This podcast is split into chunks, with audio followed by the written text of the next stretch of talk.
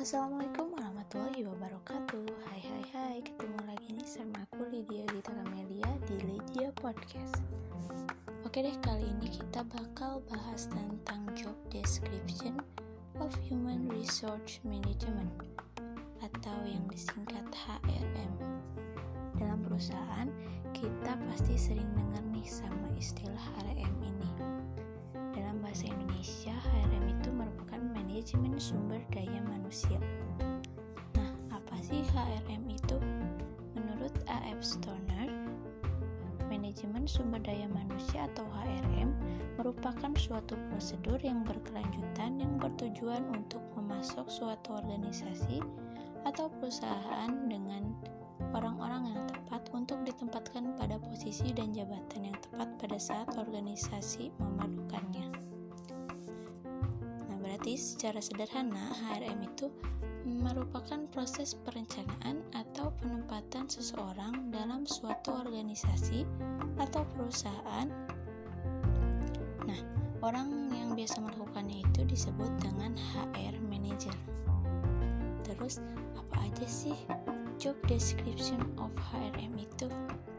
Sudah jelaskan tadi bahwa HRM itu proses atau prosedur yang digunakan untuk melakukan penempatan seseorang atau sumber daya manusia.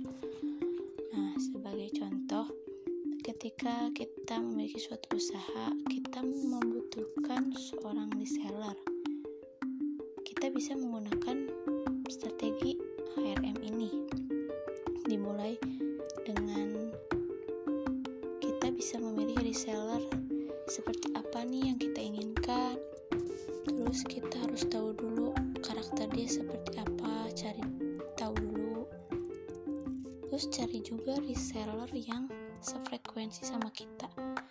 Ketika kita satu frekuensi dengan reseller kita memudahkan kita untuk mencapai target dari usaha yang kita miliki.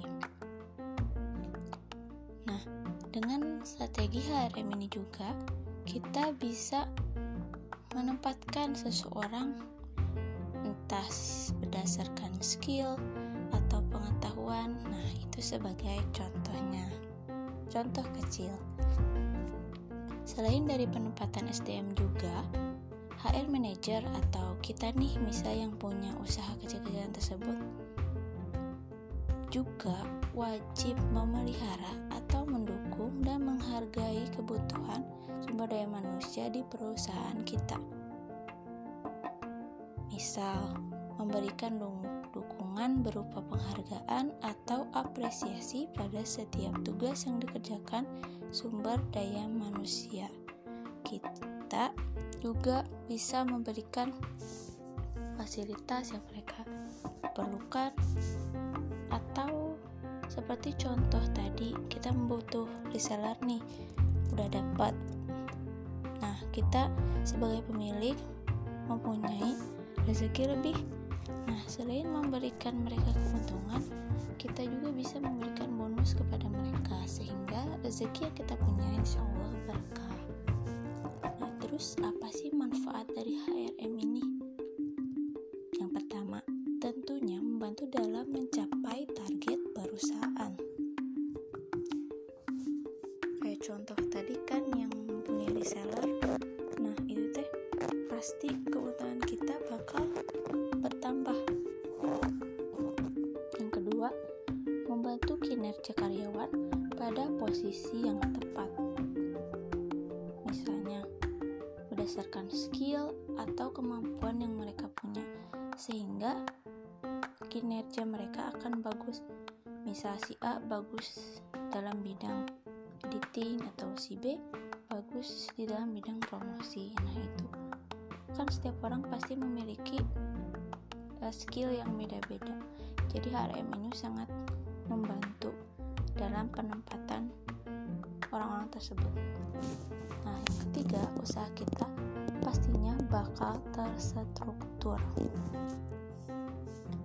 Jadi HRM ini sangat penting kan bagi usaha yang kita miliki karena kualitas usaha yang kita miliki akan sangat bergantung kepada sumber daya manusia yang ada di dalamnya. Mungkin segitu dulu nih. Dan buat teman-teman jangan lupa untuk terus dengerin podcast-podcast selanjutnya. Bagi kalian yang ingin memberikan saran atau kritik boleh banget DM aja langsung ke Instagram aku di Lydia underscore kita. Akhir kata, wassalamualaikum warahmatullahi wabarakatuh. Bye bye.